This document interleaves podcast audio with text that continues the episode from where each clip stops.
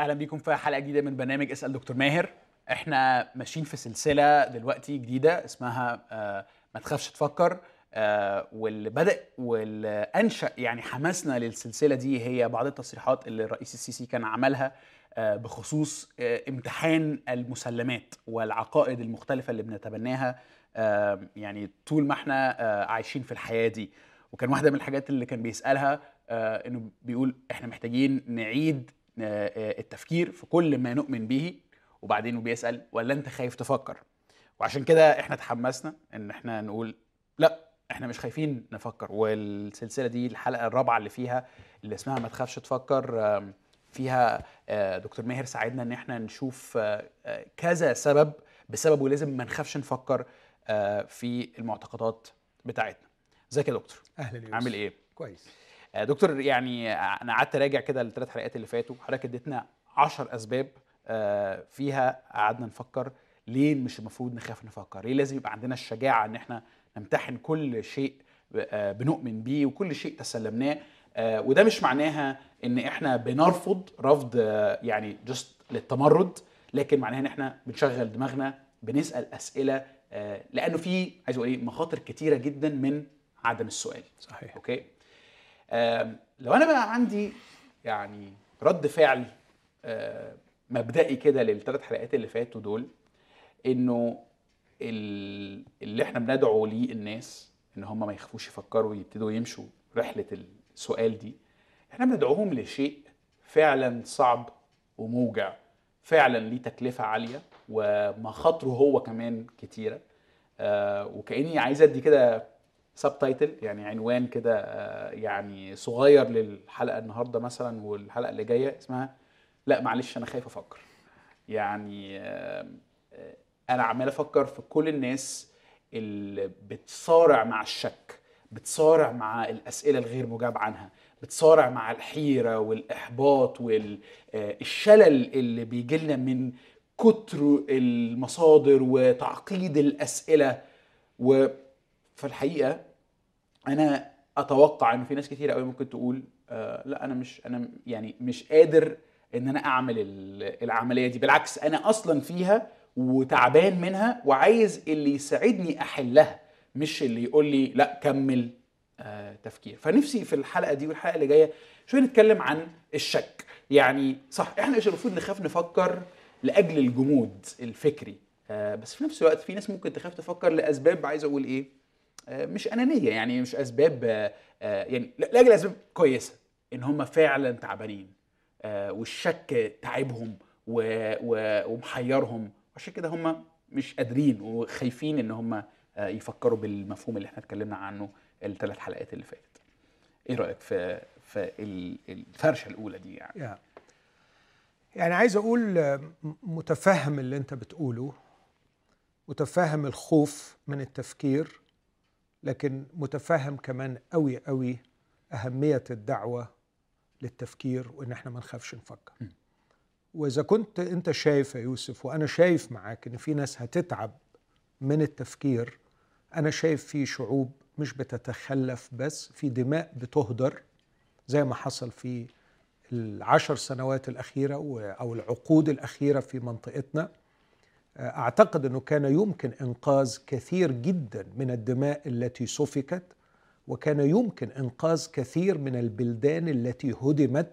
لو كان هناك اتساع في التفكير ولو كانت هناك دعوة حقيقية صادقة ومخلصة للتفكير في المسلمات. م.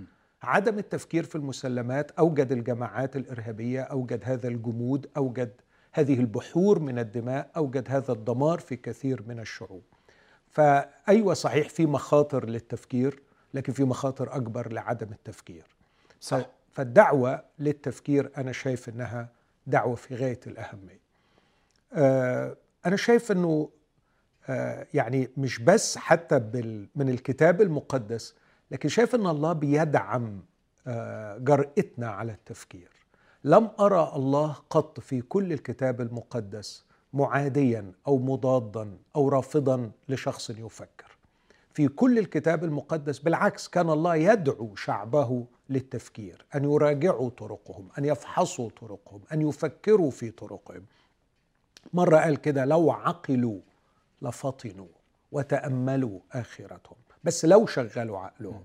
في حياة المسيح على الأرض أرى جرأة غير عادية في دعوته الناس للتفكير وإعمال العقل النقدي. فمش ممكن الله الصالح يكون بيضرنا. مش ممكن المسيح المحب المخلص يكون بيأذينا وهو رايح جاي عمال يطرح أسئلة وعمال يدعو اليهود للتفكير في المسلمات. فأنا مش خايف آه، من التفكير لأن شايف أنه طوق نجاة. آه، وإن كنت متفاهم معاك أنه في متاعب وفي ألم آه، على المستوى الفردي سوف يحدث عندما يعني يتبنى الشخص هذا التوجه ويبدأ رحلة التفكير. أوكي يعني حلوة آخر جملة دي لأنه هي بتلخص شوية إذا جاز التعبير اعتراضي على نقطة حضرتك الأولى. يعني نقطة حضرتك الثانية ما عنديش عليها اعتراض ويعني عايز إيه مشجعاني ومعزياني. لكن لما حضرتك تقول لي آه، عدم التفكير يهدر الدماء ويخل ويعني يعني يخلي الشعوب آه، تعاني من التخلف وكل الكلام ده. حاسس عارف اللي هو بالظبط اللي هو يضحي علشان خاطر البلد كده التكلفة الفردية اللي هي بتاعت الصراع والعذاب اليومي آه، اللي فيها اللي جواها لما تقولوا آه ده عشان خاطر البلد يعني لا أنا ما قلتش عشان خاطر البلد. لكن أنا بقول إنه عدم التفكير عندما شاع كثقافة في الأفراد وكون ثقافة المجتمع أدى إلى التخلف وأدى إلى إهدار الدماء. أوكي. لكن هذا لا يعني إنه الشخص إذا فكر آه إنه مش معناه يفكر عشان خاطر البلد يفكر عشان خاطر نفسه. بس هو هيبقى كويس وهيتطور وهيبقى إنسان متحضر وما يبقاش عنيف وقتال وسفاك دماء ومستغل للآخرين ومسيطر على الآخرين. فهو لو فكر ده هيساعده هو شخصيا إنه يبقى إنسان أفضل وبالتالي لما ينتشر هذا الأمر كثقافة في المجتمع يصبح المجتمع أفضل. فأنا مش بقول له لا فكر عشان خاطر المجتمع ولا حتى فكر عشان خاطر ربنا فكر عشان خاطر نفسك. أوكي. طيب يعني لو أنا احاول ألخص كده أنا آه، هدفي إيه من من مجموعة الأسئلة اللي جاية؟ بحاول أشوف أي حد أصلا في رحلة التفكير أو حد بيفكر في رحلة التفكير بس بيعاني معاناة فردية شخصية من آه، الحيرة والشك والتعب. نفسي نحاول نقدم لهذا الشخص مش عايز أقول منهجية بس كأنها كده بعض ال آه، الأطواق اللي اللي تشجعه وتساعده إن هو يكمل آه، السكة يعني أوكي؟ أوكي. فأنا يعني كأني تعالى نتكلم شوية عن الشك. يعني الخطورة إنه لما الواحد يبتدي يسأل ويراجع إنه هيشك أوكي؟ والشك حاجة يعني متعبة. فبسألك بقى هو الشك ده عموما ممكن يبقى شيء إيجابي ولا هو دايما شيء سلبي؟ هل الشك ضعف؟ هل الشك آه، خطية؟ آه، يعني خلينا نبتدي من الحتة دي كده شوية. خليني أبدأ معاك أحط الشك في إطار يعني أكبر شوية واقول هو أنا إزاي أساعد شخص هيمشي رحلة التفكير. إزاي هساعد شخص هيتجرأ ويناقش المسلمات بتاعته؟ وأكيد وهو بيناقش لازم هيشك. فبالتالي هنناقش موضوع الشك.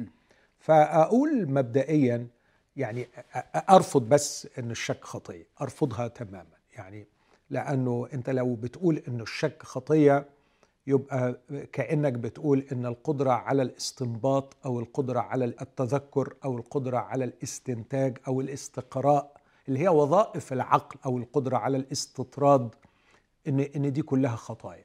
الشك هو أحد وظائف العقل. آه، Os Guinness ليه عبارة جميلة جدا في كتاب شهير كله عن الشك اسمه God in the Dark بيقول أنا آه، Os Guinness بيقول أنا معترض على مقولة ديكارت لما قال أنا أشك اذا أنا موجود. لكن هو Os Guinness بيقول أنا موجود لذلك أنا أشك. إيه الفرق؟ الفرق إنه طبعا أنت عارف ديكارت انطلق من إنه أنا أشك اذا أنا موجود كان يبحث عن أي شيء يقيني هو يقدر يمسك به فالشيء اليقيني الوحيد اللي قدر يمسك به إنه هو حاليا بيشك. فما دام بيشك يبقى بيفكر فما دام بيفكر يبقى في كائن بيفكر فيبقى أنا موجود. وإذا شك أنه يشك فهو ما زال يشك أي ما زال يفكر أي أنه ما زال موجود. فده كان الأرجيومنت بتاعه يعني. لكن اوزجنس بيقول الموضوع ما يتاخدش كده. يعني فكرة إن أنا أثبت وجودي من مجرد إن أنا بشك آه هو بيقول لأ. لكن بياخدها من جانب تاني بيقول أنا موجود ككائن والشك وظيفة من وظائفي فلأني موجود ينبغي أن أشك. ومن الجانب العملي لو أنت تخيلت وأنا مرة يعني عملت هذا التصور قلت حاولوا تتخيلوا إنه آه، حاجة كده من أفلام الخيال العلمي إنه في كائنات غزت آه، بلد معينة وحبت تعمل عليهم تجربة علمية فراحت رمت لهم في المية بتاعت المدينة بتاعتهم مادة كيميائية معينة كل اللي يشرب منها لما يشربوا المية يعني تتجرد عقولهم من إمكانية الشك. حاول تتخيل إنه الناس شربوا المية صبح الصبح كلهم مش بيشكوا. أنا أؤكد ليك إنه آه، آه، البلد ده مش هيكمل أسبوع. لا لا نستطيع الحياة بدون الشك. لا أستطيع أن أعبر الشارع بثقة كده واندفاع وتهور آه، لما يعني لا أستطيع أن أعبره لو ما عنديش شك هعبر الشارع بتهور واندفاع لما آخد دواء لو ما كنتش عندي شيء من الشك ويخليني أبص على الإكسبايري ديت بتاعه في في خطر عليا. إذا ما كنتش أشك في واحد جاي بيقول لي آه، أنا محتاج وساعدني. آه، ده موقف مثلا بيتكرر كتير جدا وياما تعرضنا لنصب بسبب هذا الأمر. فلا بد من الشك. لا نستطيع أن نعيش. لما بتفتح الثلاجه وعايز تاكل ثمرة فاكهة أحيانا بتشمها. ليه بتشمها؟ فانت فانت بتحط الشك في الإيمانيات أو في العقائد في نفس طبعا. البوتقة دي؟ طبعا. طبعا. ما هو وظيفة من وظائف العقل. أنت عايز عقلك يشتغل في الثلاجه وفي الأكل وفي الدواء وفي عبور الشارع ويجي عند الإيمان تقول له ممنوع يا عقلي تشتغل؟ طب مش هو الشك أصلا ضد الإيمان أو عكس الايمان لا لا طبعا لا طبعا. ما حدش قال إن الشك عكس الإيمان. طب لا لحظة بقى. يعني آه. اشرح لي دي يعني. آه. بليز الإيمان شيء أعمق جدا من الشك. بالعكس أحيانا الشك هو الوسيلة التي من خلالها يتنقى الإيمان ويتقوى الإيمان. آه هنتكلم أكثر مع في في الجاي عن ما هو الإيمان؟ لكني لم أرى أن في الكتاب المقدس أن الإيمان عكسه الشك. الإيمان عكسه التسليم أو الرفض. بمعنى إيه؟ آه، الدائره القليلة والصغيرة التي كانت حول المسيح كان في 11 مؤمن وواحد غير مؤمن بتعبيراتنا إحنا. بس الكتاب ما قالش عنهم إنهم 11 مؤمن وواحد غير مؤمن. هم كلهم مؤمنين. ويهوذا كان مؤمن. يهوذا كان مؤمن بالمسيح ومؤمن برسالة المسيح ونادى برسالة المسيح وصنع معجزات بناء على إيمانه بهذه الرسالة. لكن بتعبيرنا إحنا بنقول إنه ما كانش مؤمن. التعبير الكتابي خائن. سلم المسيح. فخد بالك بين الفرق بين التع... أما كل الذين قبلوه received him استقبلوا المسيح. وعشان كده كان المسيح يستعمل تعبيرات تصف العلاقة به أكتر جدا من مجرد تصديقه والاقتناع بما يعلم به لكن استقباله هو شخصيا. فمثلا كان يقول من يقبل إلي؟ آه، يقول من يأكلني يحيا بي؟ إن عطش أحد فليقبل إلي ويشرب. آه، في ذلك اليوم تعلمون أنكم أنتم في وأنا فيكم. دي التعبيرات اللي المسيح كان بيستعملها ليصف نوع الإيمان بي أو نوع العلاقة بي اللي إحنا بنسميه الإيمان. في مقابل هذه التعبيرات الرهيبة المسيح يصف حالة يهوذا مش إنه مثلا شك مش إنه ما اقتنعش لكن يقول لكي يتم الكتاب من يأكل خبزي. رفع علي عقبه يعني رفصني. اتكرر عنه مرات كثيرة بالعكس مش متكرر. ده كان دايما يتوصف يهوذا الذي كان مزمعا أن يسلمه. فخد بالك أستقبل أقبل كلمة تقبل وكلمة تسلم. تسلم to receive to deliver. فعكس الإيمان ليس الشك. بالعكس بقى تعال امسك المجموعة المؤمنين الحقيقيين اللي جوه. آه، كانوا شغالين عقل نار يعني عقل نار شغال بيشك وبيتساءل وبيحتار. وممكن أجيب لك كذا مثال يعني مش بس هنقف عند توما. آه، توما اللي قال لأ مش هصدق إلا إذا شفت. والرب يسوع احترم رغبته وجاله وعارف إنه ممكن تسأل في دي أسئلة كتير لكن هنرجع هنرجع له توما آه أكيد. توما توما مؤمن. توما مش بس مش مؤمن علشان يعني عقله اقتنع لكن هو سلم استقبل المسيح وسلم حياته للمسيح ووثق في المسيح. لكن مثلا خد من البداية خالص في أول لقاء بين المسيح و... و... ونثنائيل. مثلا ونثنائيل ده تلميذ من التلاميذ المغمورين يعني اللي ما بنقراش عنهم كتير. لما فيلبس راح يبشره. ما كانش منيم عقله ما كانش مجنب عقله. فيلبس رايح له بخبر رائع بيقول له نثنائيل وجدنا وجدنا يسوع وجدنا المسيا الذي كتب عنه موسى والأنبياء. أنت متخيل خبر زي كده لواحد يهودي؟ المسيا وصل. خبر رائع جدا وده صديق عمره وواضح إنه هو كان في محبة شديدة بينهم. فقال له مين؟ مين المسيح؟ قال له يسوع الذي من الناصر. اتفرج على الرد بتاعه. قال له من الناصره يخرج شيء صالح. ما ينفعش. لا مش هقبل. فرد عليه وقال له أنا عارف عقلك يعني ما معناه. تعال وانظر. تعال أنت وشوف. فجايبه ورايح ليسوع. فأول ما يسوع شافه قال هذا إسرائيلي حقا لا غش فيه. قالوش متشكر متشكر مجاملة لطيفة. لكن رد عليه قال له من أين تعرفني. أنت إزاي تقول عليا إن أنا راجل كويس وأنت ما تعرفنيش؟ ده شك ولا مش شك؟ شك. شك على مستوى عالي. شك جريء. تخيل لما واحد معلم آه، لسه واصلني خبر عنه إنه ده المسيا ابن داوود وبعدين جاي بيقول لي حاجة حلوة بي- بيمدحني بيقول لي أنت إسرائيلي حقا لا غش فيه أقول له أنت بناء على إيه بتقول كده يعني. تعرفني منين؟ فالناس دي كانت بتشغل عقلها مش ما كانت تعالى مثلا في حديثه الأخير معاهم وده على الآخر وهم مش وهو ماشي وسايبهم. لما بيقول لهم وتعلمون حيث أنا أذهب وتعلمون الطريق. توما كان جاهز قال له لسنا نعلم أين تذهب فكيف نعلم الطريق؟ يعني ده بيدقق في كل كلمة وبيراجع كل كلمة. هو ده ده, ده العقل اللي إحنا عايزينه. مش الشك لمجرد الشك لكن الشك الذي يقود لمعرفة الحق معرفة الحقيقة. يتكلم المسيح شوية فيطلع لنا يهوذا الثاني برضه المغمور اللي ما حدش يسمع عنه كتير. آه، وبعدين يقول له ماذا حدث حتى أنك مزمع أن تظهر ذاتك لنا وليس للعالم؟ أنا كده هبدأ أشك لأنه ده يتعارض مع كل اللي إحنا اتعلمناه عن المسيح. صح. آه، يوحنا المعمدان النبي العظيم الذي قال عنه المسيح أنه لم يولد من النساء نبي أعظم من يوحنا المعمدان. شك. وأي محاولة للتخفيف على فكرة إن يوحنا شك هي محاولة فاشلة. هو شك. بعت للمسيح وقال له أنت هو الآتي أم ننتظر آخر.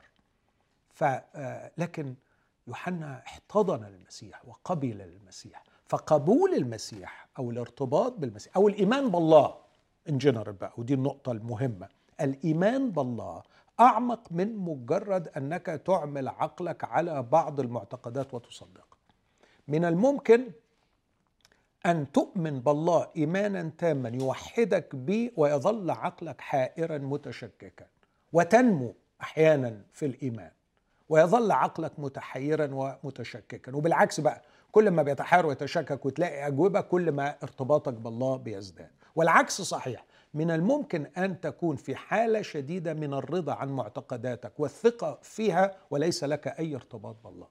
تحفة اللي بيتقال وعايزه وعايزة أفكر فيه مع حضرتك. لو أنا فاهم صح أنت حطيت الإيمان دلوقتي في إطار مش العقل لكن الإرادة التي تقبل التي تتحد التي آه، تقترب من يسوع أو من الله أوكي؟ وفي الدايرة بقى اللي فيها الاقتراب الاقتراب العقل الاقتراب ده شغال. العقل شغال وبيشك وبيفكر وبيسأل وتعبان. تعبان؟ تعبان. تعبان وتعبه كأنه بالظبط عظام ال- المراهق اللي بتطول فبيشتكي دايما من وجع. بس بي- بي- بيتوجع لأنه بيكبر. يعني بشوف الأولاد في العيلة عندنا لما بيدخلوا في سن المراهقة بيبدأوا يشكوا من وجع. في دراعاتهم وفي ركابهم لأنه بيكبر. لابد آه، لابد من أن العقل يوجعنا بأسئلته لكن هذه علامة صحية والنتيجة هي النمو. مع بس يعني تحفظ صغير قوي على فكرة إن الإيمان إرادة. آه، الموضوع برضو أكبر من إرادة. يعني خليني أقول آه، إحنا بنغلط غلط كبير يا يوسف لما بنسطح الإنسان أو نحاول نفصصه علشان نستوعبه. فهو إرادة ومشاعر وفكر. أو الإنسان سر الإنسان عميق جدا. عشان كده مثلا آه، خليني أقول لك من من كتابات أرسطو في دراسات كتيرة أو في رسائل دكتوراه معمولة على هو أرسطو كان بيستعمل الكلمات عنده عنده سبع كلمات بيشير بيها إلى العقل. لأنه كأنه كان في حيرة يوصف العقل بإيه؟ فمثلا من ضمن الكلمات دي كلمة ال dianoia كلمة تاني ال nous كلمة تاني aisthesis وكلمات أخرى يستعملها أرسطو. آه، آه، آه، واحدة من هذه الكلمات مثلا في اثنين scholars كبار بيتخانقوا هو ال nous هو ال aisthesis عند أرسطو ولا مختلفين عن بعض وبيقولوا لأ بيختلفوا. لكن مبدئيا مثلا يقول لك إن ال nous ده هو استقبال الحقيقة الكلية. هو اللي مش بتاع ال understanding لكن بتاع ال apprehension معلش الفرق آه. ما بين الاثنين الفرق صعب أشرحه لكن مثلا استعمله الرسول بولس. فبولس كان قارئ جيد للفلسفة وعارف للمصطلحات دي. فمرة واحدة في العهد الجديد استعمل آه، مثلا العبارة بتاعت أو ال term ده ال aisthesis أو ال aisthesis ال aisthesis اللي هي بتيجي منها ال aesthetics الجمال. آه، فقال في فيليبي أنا بصلي لكم أن تزدادوا في المحبة في المعرفة وفي كل فهم لكي تميزوا الأمور المتخالفة. كلمة فهم دي غير المعرفة. المعرفة دي شغلة الديانويا اللي هو جانب من إمكانيات العقل العميق البشري آه، اللي يقدر يجمع ويطرح ويحلل ويستطرد ويستنتج ويبني فرضية على فرضية ويطلع منها بكونكلوجن ده شغل ال reasoning abilities الإمكانيات أو الملكات المنطقية. لكن ارسطو عايز يقول في حاجة أعمق من كده اللي بولس استعملها وبعدين استعملها بقى وراح مبين وظيفتها. فالوظيفة بتاعتها يقول إيه؟ إنه هي أنا ترجمها فهم. أن تزدادوا في المحبة في في المعرفة وفي كل فهم. فهم دي اللي هم بيقول لك ال comprehension أو ال apprehension الوعي الإدراك ال perception استقبال الحقيقة الكلية التي تقودك إلى التمييز. التمييز الأخلاقي التمييز بين الصواب والخطأ التمييز آه، بين الحقيقي والمزيف التمييز القدرة على التمييز. دي اللي مرتبطة شوية بالحكمة. أوكي. أكثر أوكي. منها مرتبطة بالمعرفة. فالحقائق العظمى أو اللي أرسطو قال عنها المبادئ الأولية ال first principles المبادئ التي لا تنبع من غيرها. لما نرجع لأصول الأشياء.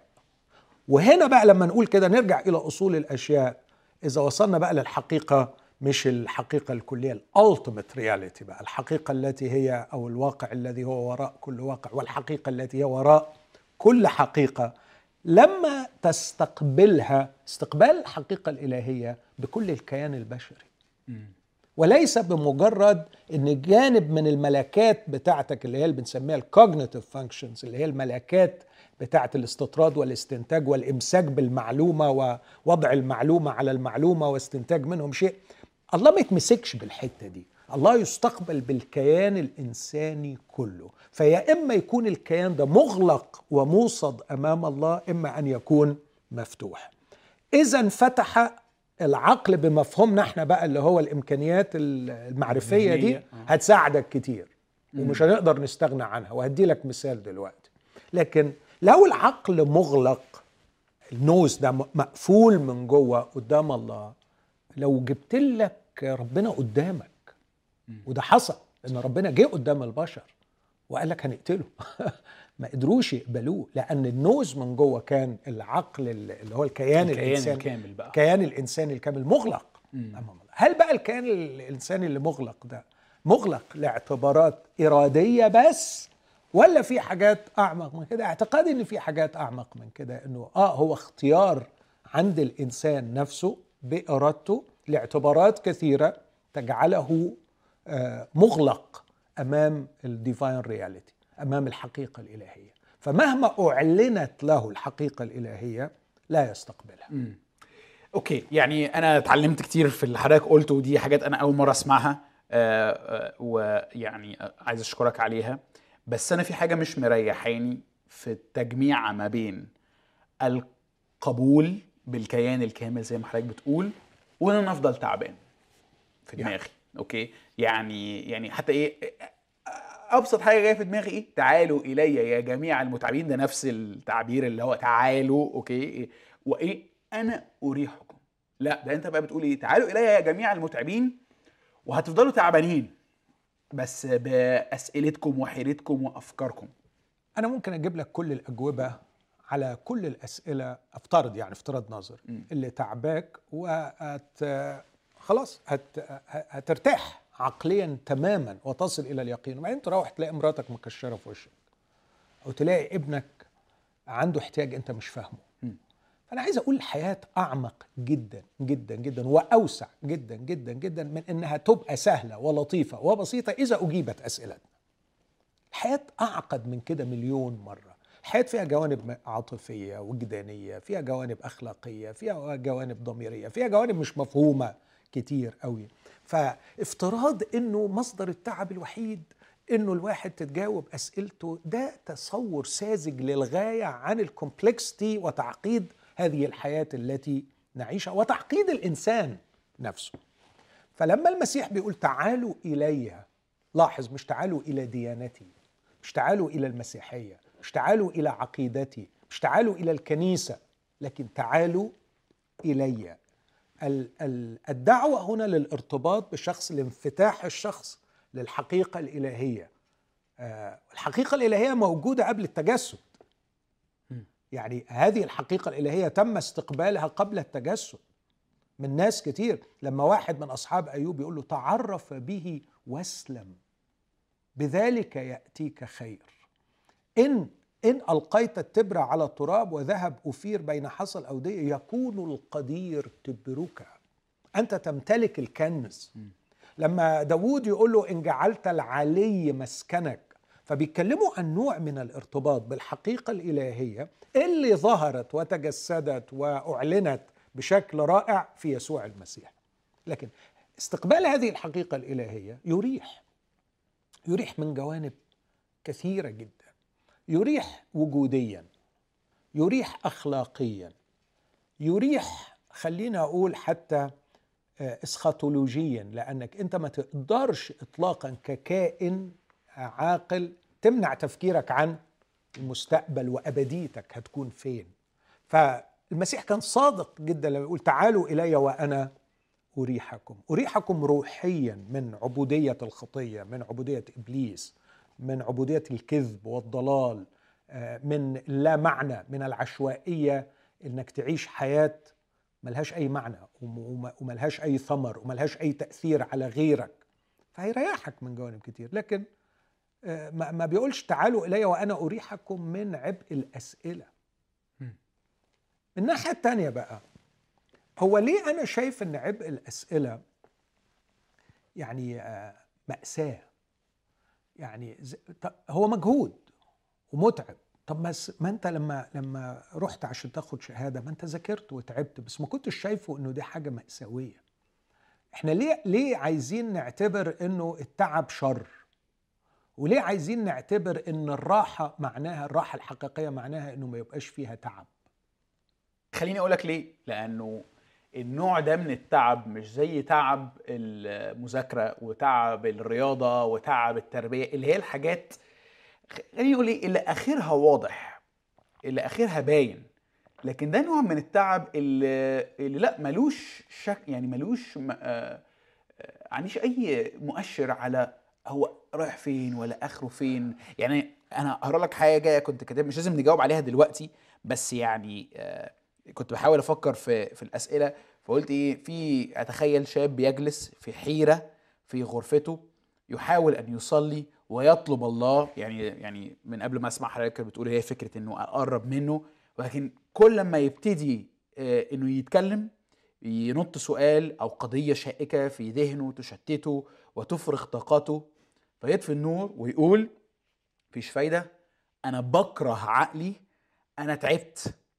وينام في إحباط وبعض الليالي كمان يبقى في خوف. ده ADD ماشي يعني. ده عنده ADD اللي انت بتوصفه ده بالظبط بس دي بس دي يا دكتور يعني ماشي ال ADD. هو مش قادر يرك- يركز وبيتشتت آه. آه بس في نفس الوقت أنا أعرف شباب كتيرة بي بي فكرة أنا بكره عقلي دي أنا بكره عقلي تعبان تعبني مش عارف أصلي مش عارف أقرب من ربنا لأني تعبان. يعني أنا ده موضوع تاني يا يوسف. مش قادر أقرب ومش قادر أركز ومش قادر أصلي. ده موضوع تاني وإحنا ناقشناه وممكن نناقشه تاني.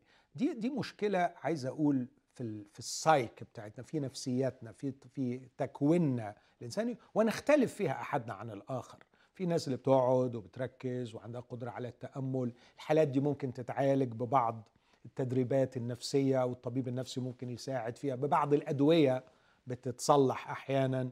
لكن اللي إحنا بنناقشه مش واحد كده اللي بنناقشه ده واحد عارف يركز كويس قوي وجاب السؤال وبيدور له على إجابة والمطروح عليه لا يشفي غليله. هو مش عارف دلوقتي إزاي الكتاب المقدس بيتكلم عن خليقة من 6000 سنة و في ست أيام كل حاجة ظهرت والعلم بيقدم أدلة غير كده تماما فهو في حيرة ومش قادر يحسم القضية دي. مثلا أنا بصراحة النموذج ده في رأيي اندر من اللي أنا كنت بقوله. يعني أنا بشوفه من خلال بقى خدمتي وتس يعني تساؤلي مع الشباب إنه نادر لما ألاقي واحد عارف مشكلته فين عارف شكه مركز على إيه إيه السؤال ده؟ أنا بلاقي إيه خرطبيطة كده من الأسئلة والأحاسيس والأفكار المضطربة بنسميها إحنا شك. غلط. أوكي. أنت شخصت غلط. آه. وعشان كده المشكلة دي ما تتصنفش في موضوع حلقاتنا خالص. مم. يعني المشكلة دي بتاعت واحد هو مش عارف مشكلته إيه. هو مش عارف حيرته في إيه. دي بقى تقدر تقول حيرة وجودية. دي خلينا أدي لك يعني أنا بيجي في ذهن حاجات كتير قوي عايز أقولها لك. يعني مثلا خلينا أدي لك مثل من إيمانويل كانت. إيمانويل كانت أنا من وجهة نظري يعني ده فيلسوف. فيلسوف ألماني ظهر في القرن الثامن عشر. والتاسع عشر حاجة حاجة جبارة جبارة إيمانويل كانت ده. يعني آه، أتذكر آه، ال- الراجل اللي كان بيدرسني إيمانويل كانت كان يقول ده واتر شد في تاريخ الفلسفة. يعني زي كده فاصل في تاريخ الفلسفة. فإيمانويل كانت مشكلته العقل الجبار الذكاء الحاد القدرات المعرفية الغير عادية. فكان ليه تلميذ اسمه يوهانن هيردل. فده تلميذه الأمين وتابعه الأمين اللي متعلم كل اللي بيقوله كانت وبيذاكره وبيفهمه وبيدرسه. وبعدين فجأة تمرد على كانت وصرخ في وجهه وقال له العبارة الشهيرة دي أنا لست مجرد عقل أنا إنسان أريد أن أشعر أريد أن أحيا. أنا نفسي أعيش. أنا مش مجرد ماكينة عقل شغال على معلومات معلومات معلومات. أنا حاجة أكبر من كده. وكتير من الفلاسفة يقول لك ده كان شرارة انطلاق الفلسفة الوجودية اللي حررت ال- الأوروبيين من فكرة الانحصار في الراشوناليزم والفلسفة العقلية المحضة يعني إلى آفاق أوسع تنظر إلى الإنسان ككل إلى وجود الإنسان ككل. فالمشكلة الأوسع أعمق جدا من إن إحنا نختزلها في شك وأسئلة وسؤال وجواب وحيرة معرفية. الموضوع حيرة وجودية الموضوع حيرة علاقاتية الموضوع حيرة وجدانية. وعشان كده المسيح كان بيقدم نفسه ككل للإنسان لإنقاذه من هذا وهي دي الدعوة للراحة.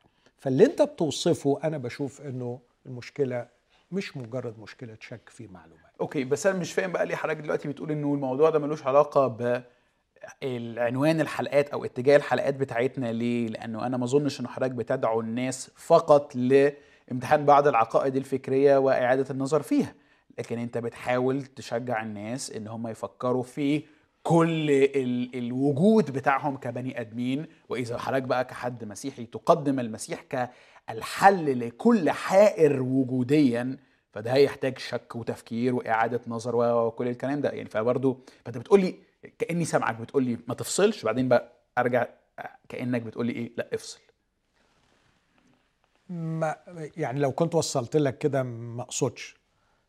بص خلينا أقول في كل الحوارات والحلقات اللي بعملها معاك أو مع حسام أو في أي خدمة أنا بقدمها آه، أنا بقدم المسيح كالحل آه، للحيرة الإنسان الوجودية الكلية. آه، لكن في الحلقات دي لأ. في الحلقات دي أنا بدعو فعلا للتفكير في المسلمات لأنه هناك جانب من جوانب الإنسان جانب من جوانب الإنسان هو هذا هذه الملكات المعرفية. م. هذه الإمكانيات التي تبحث عن المعرفة اللي هي المعرفة مش الفهم. بلغة بولس في فيليبي واحد أو الترجمة العربية في فيليبي واحد تسعة. لكن هذا الجانب من الملكات المعرفية إذا تم تعطيلها إذا تم إيقافها إذا تم تجميدها ومنعها من آه، عملها على العقائد التي تقدم لك إحنا في خطر فعلا حرمان الإنسان من وجود الحل الكلي. آه، أنا أذكر إنه قلت لك التشبيه ده وهقوله تاني. سؤال سأل واحد للمسيح يا معلم ما هي الوصية العظمى في الناموس؟ فالمسيح قال له الوصية العظمى إنك تحب الرب إلهك من كل قلبك ومن كل فكرك ومن كل نفسك ومن كل قوتك وثانية مثلها تحب قريبك كنفسك. فالراجل رد على المسيح مع إنه كان جاي أكيد يعني زي الباقيين اللي بيجربوه بيسالوه ما نعرفش يعني دوافعه كانت إيه. قال له حسنا يا معلم قلت. وبعدين قال له التعبير ده واستنتج منه. لأن محبة الله من كل القلب والفكر والنفس والقوة ومحبة القريب كالنفس أهم من كل المحرقات والذبائح. كتاب يقول تعليق جميل. فلما رأى يسوع أنه أجاب بعقل قال له لست بعيدا عن ملكوت الله. خد بالك من التوصيف ده. الراجل ده آه، شغل الملكات المعرفية شغل الديانويا شغل العقل اللي هو بيعرف يستنتج ويتعامل مع المعلومات. فاستنتج منها فعلا وأنا لو حبيت ربنا من كل قلبي وحبيت قريبي كنفسي ده فعلا أفضل من كل المحرقات والذبائح. فابتدى يستنتج استنتاجات منطقية صحيحة. فالمسيح مدح ده بس ما قالوش إنه أنت كده يعني آه، خلاص جوه الملكوت. لكن قال له لست بعيدا عن ملكوت الله. يعني أنت قربت كده لباب الملكوت. فأنا قلت التشبيه ده ما أعرفش أنا جايبه من عندي ولا كنت اتأثرت بحد قريته مش فاكر يعني. لما قلت إذا أردت أن تسبح في اليم العميق ينبغي أن تذهب إلى الشاطئ. مش كده؟ ذهابك إلى الشاطئ هو إعمال العقل. سباحتك في اليم العميق هو إيمانك ودخولك آه، واستقبالك للحقيقة الكلية. أوكي. فبميز ما بين الاثنين بس الحلقات بتاعتنا دي ما تخافش تفكر لا إحنا بنتكلم عن اللي قربني لباب الملكوت. بنتكلم عن إعمال العقل في العقائد لأنه في مصايب سودة. في مصايب فعلا. في كل دين في مصايب. ففي حاجات مفروض إن إحنا نشغل عليها العقل. وربنا سايبنا على أساس إنه طور إنسانيتك بإنك تشغل عقلك. وعندما تعمل عقلك أنت تقترب إلى باب الملكوت اللي يخليك تنفتح لاستقبال الحقيقة الإلهية. جملة خطر شوية يعني اللي حضرتك قلته دلوقتي يعني إيه يعني إيه كل دين فيه مصايب يعني؟ آه طبعا لأنه الدين مش مستودع بين يدي البشر يوسف. آه. يعني ربنا لما بيعمل أي حاجة حلوة مش بيديها للبشر؟ بيديها للبشر. البشر بيعملوا فيها إيه؟ ممكن يطوروها يستعملوها صح وممكن يفسدوها. يفسدوها.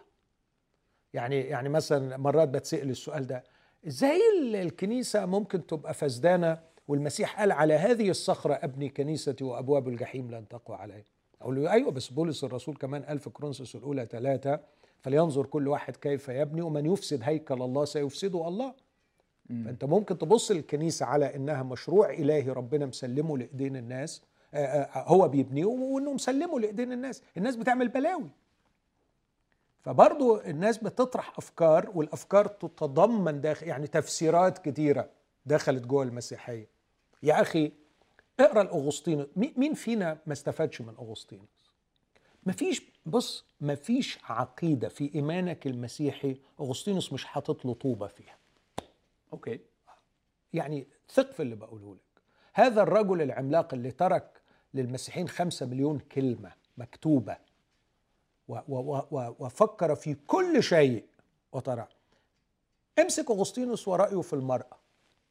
كارثي كارثي مدمر. لوثر. هل نختلف على أن لوثر بالنسبة لنا كإنجليين كمان رجل عظيم؟ اقرأ كتابات لوثر الأخيرة من ناحية اليهود. بيكرههم وبيقول عنهم كلام رديء للغاية. يعني يعني ريسست من الطراز الأول في النقطة دي يعني معادي للسامية. آه كل ديانة فيها مصايب. وعلشان كده وأنا شايف إنه ده من رحمة ربنا لأنه يريدنا أن نطور انسانيتنا إنه عايزنا نشغل عقلنا ونفكر ونراجع. أيوه لوثر على عيني وراسي بركة عظيمة أخرجنا من من سجن من ظلمة. لكن لوثر إنسان وليه آراء مدمرة.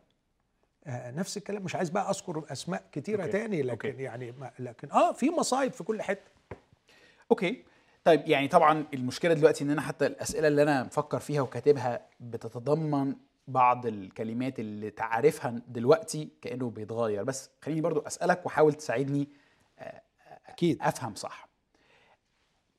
ممكن حد يسأل طيب يعني أنت دلوقتي عايزني أفكر في المعتقدات والعناصر اللي الدينية اللي أنا بؤمن بيها وده كجزء من النمو بتاعي وجزء من العملية الإيمانية ك ك يعني كشكل أوسع أو بشكل أوسع. يعني في طريق بحثك عن الحقيقة الكلية واستعدادك للانفتاح ليها واستقبالها على الأقل ابدأ بتشغيل عقلك. حلو جدا. ماشي.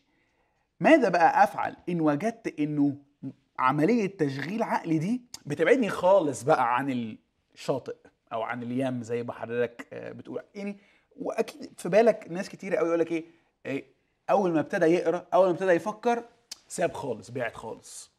فاهمني؟ وال يعني أقدر أقول هو ساب إيه؟ هو ساب إيه؟ آه وساب ليه؟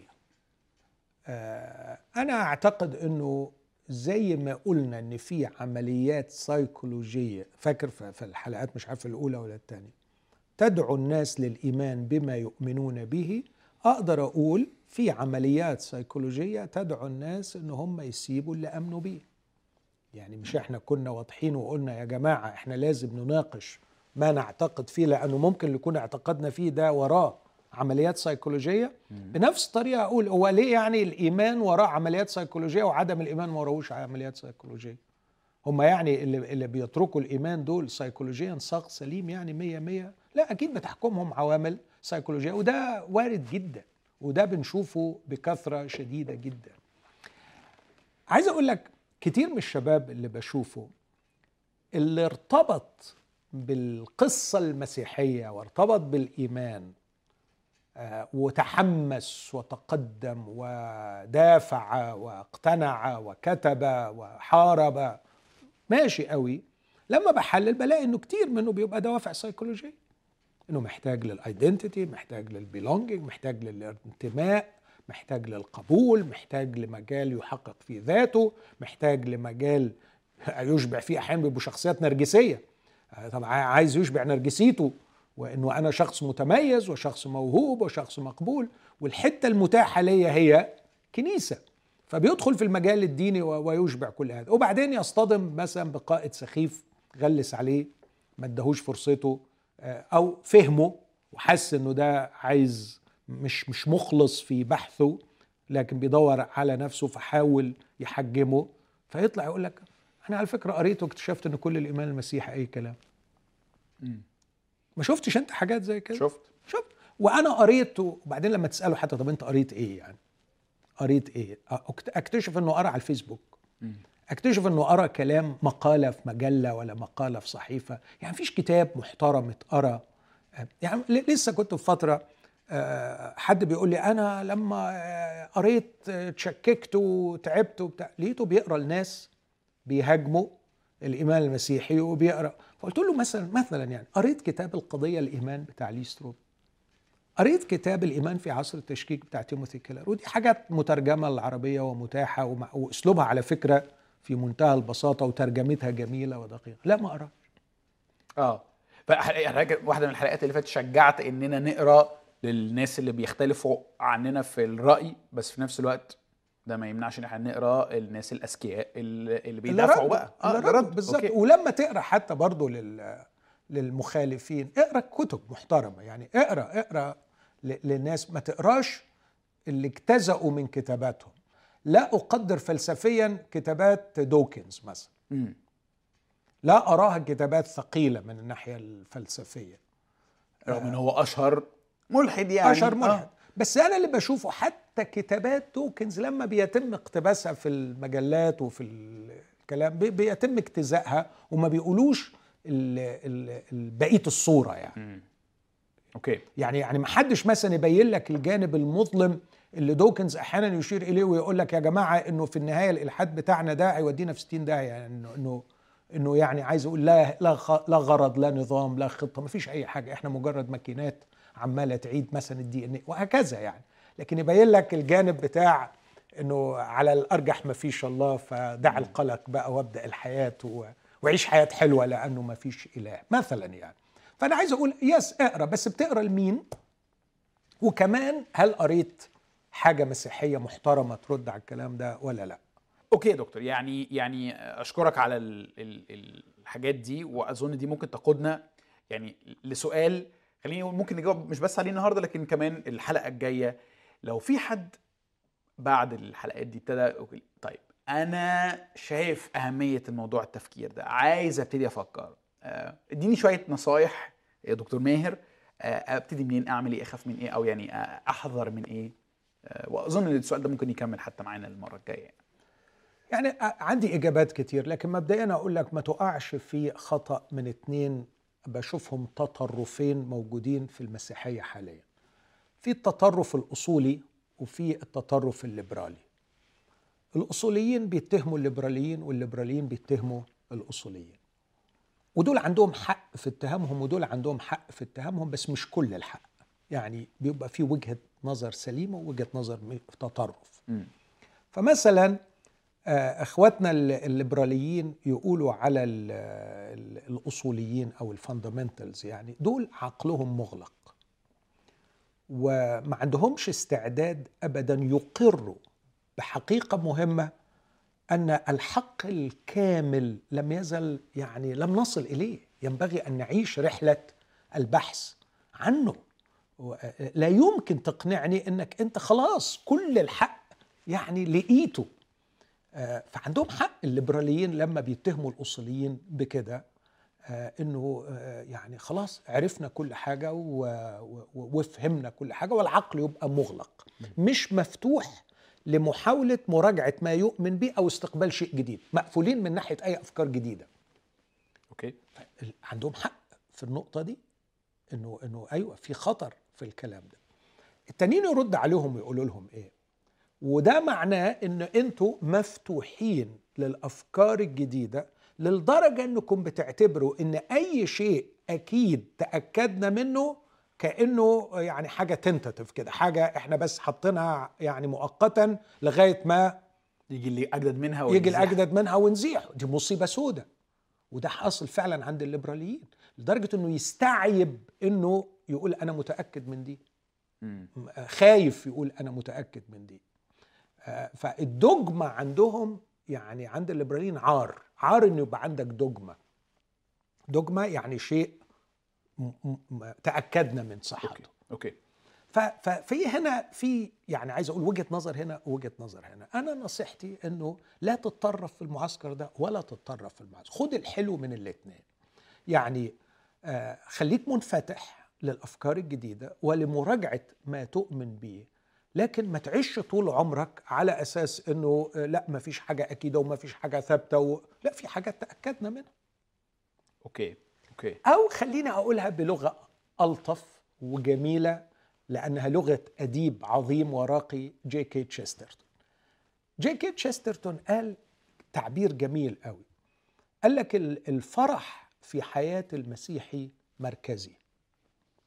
والحزن طرفي. ليه؟ قال لأن الأسئلة الأعظم والأهم ال fundamental questions الأسئلة الأساسية في الحياة تمت إجابتها. أوكي. لكن الأسئلة الكثيرة الأخرى الفرعية لم نزل في مرحلة البحث عن أجوبة لها. أنا لما قريت التعبير ده ده حلل لي مشكلة كبيرة وصغت منه فكرة أنا بقولها.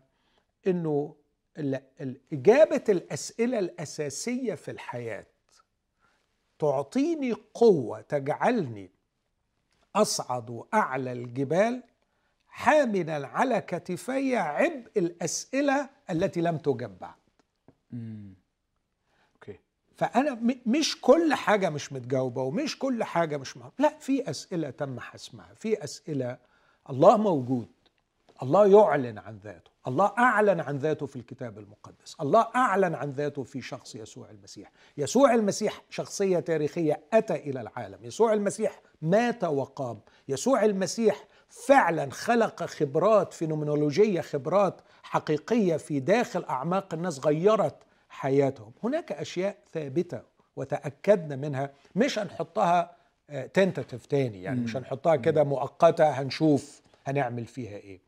هذه الأجوبة الأساسية تمنحني طاقة وصلابة تجعلني أصعد أي جبل حاملا على كتفي عبء أسئلة كثيرة أخرى غير مجابة. أنا أنا ما أعرفش ليه ربنا سمح بالألم في العالم بهذا الشكل. ما زال السؤال ده يسحقني. ما أعرفش ليه ربنا سمح إن أخويا يرقد وهو شاب صغير. ما أعرفش ليه ربنا بيسمح إنه يمنع المطر أحيانا وتحدث مجاعة مرعبة في مكان ما.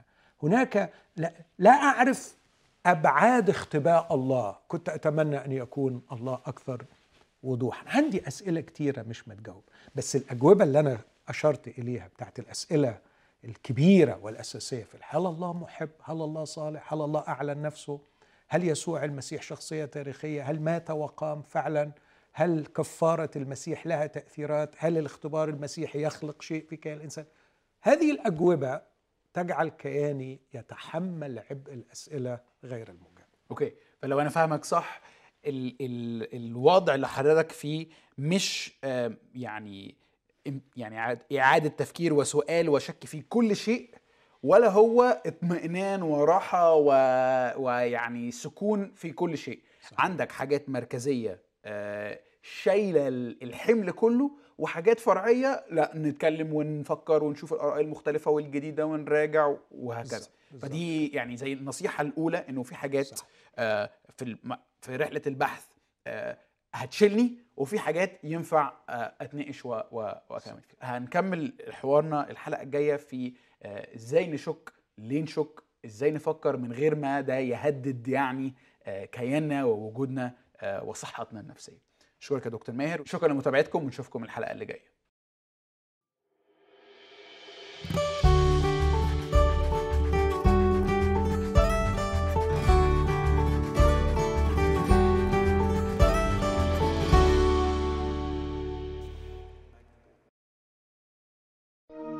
لمشاهدة المزيد من الحلقات زوروا سات 7 بلاس.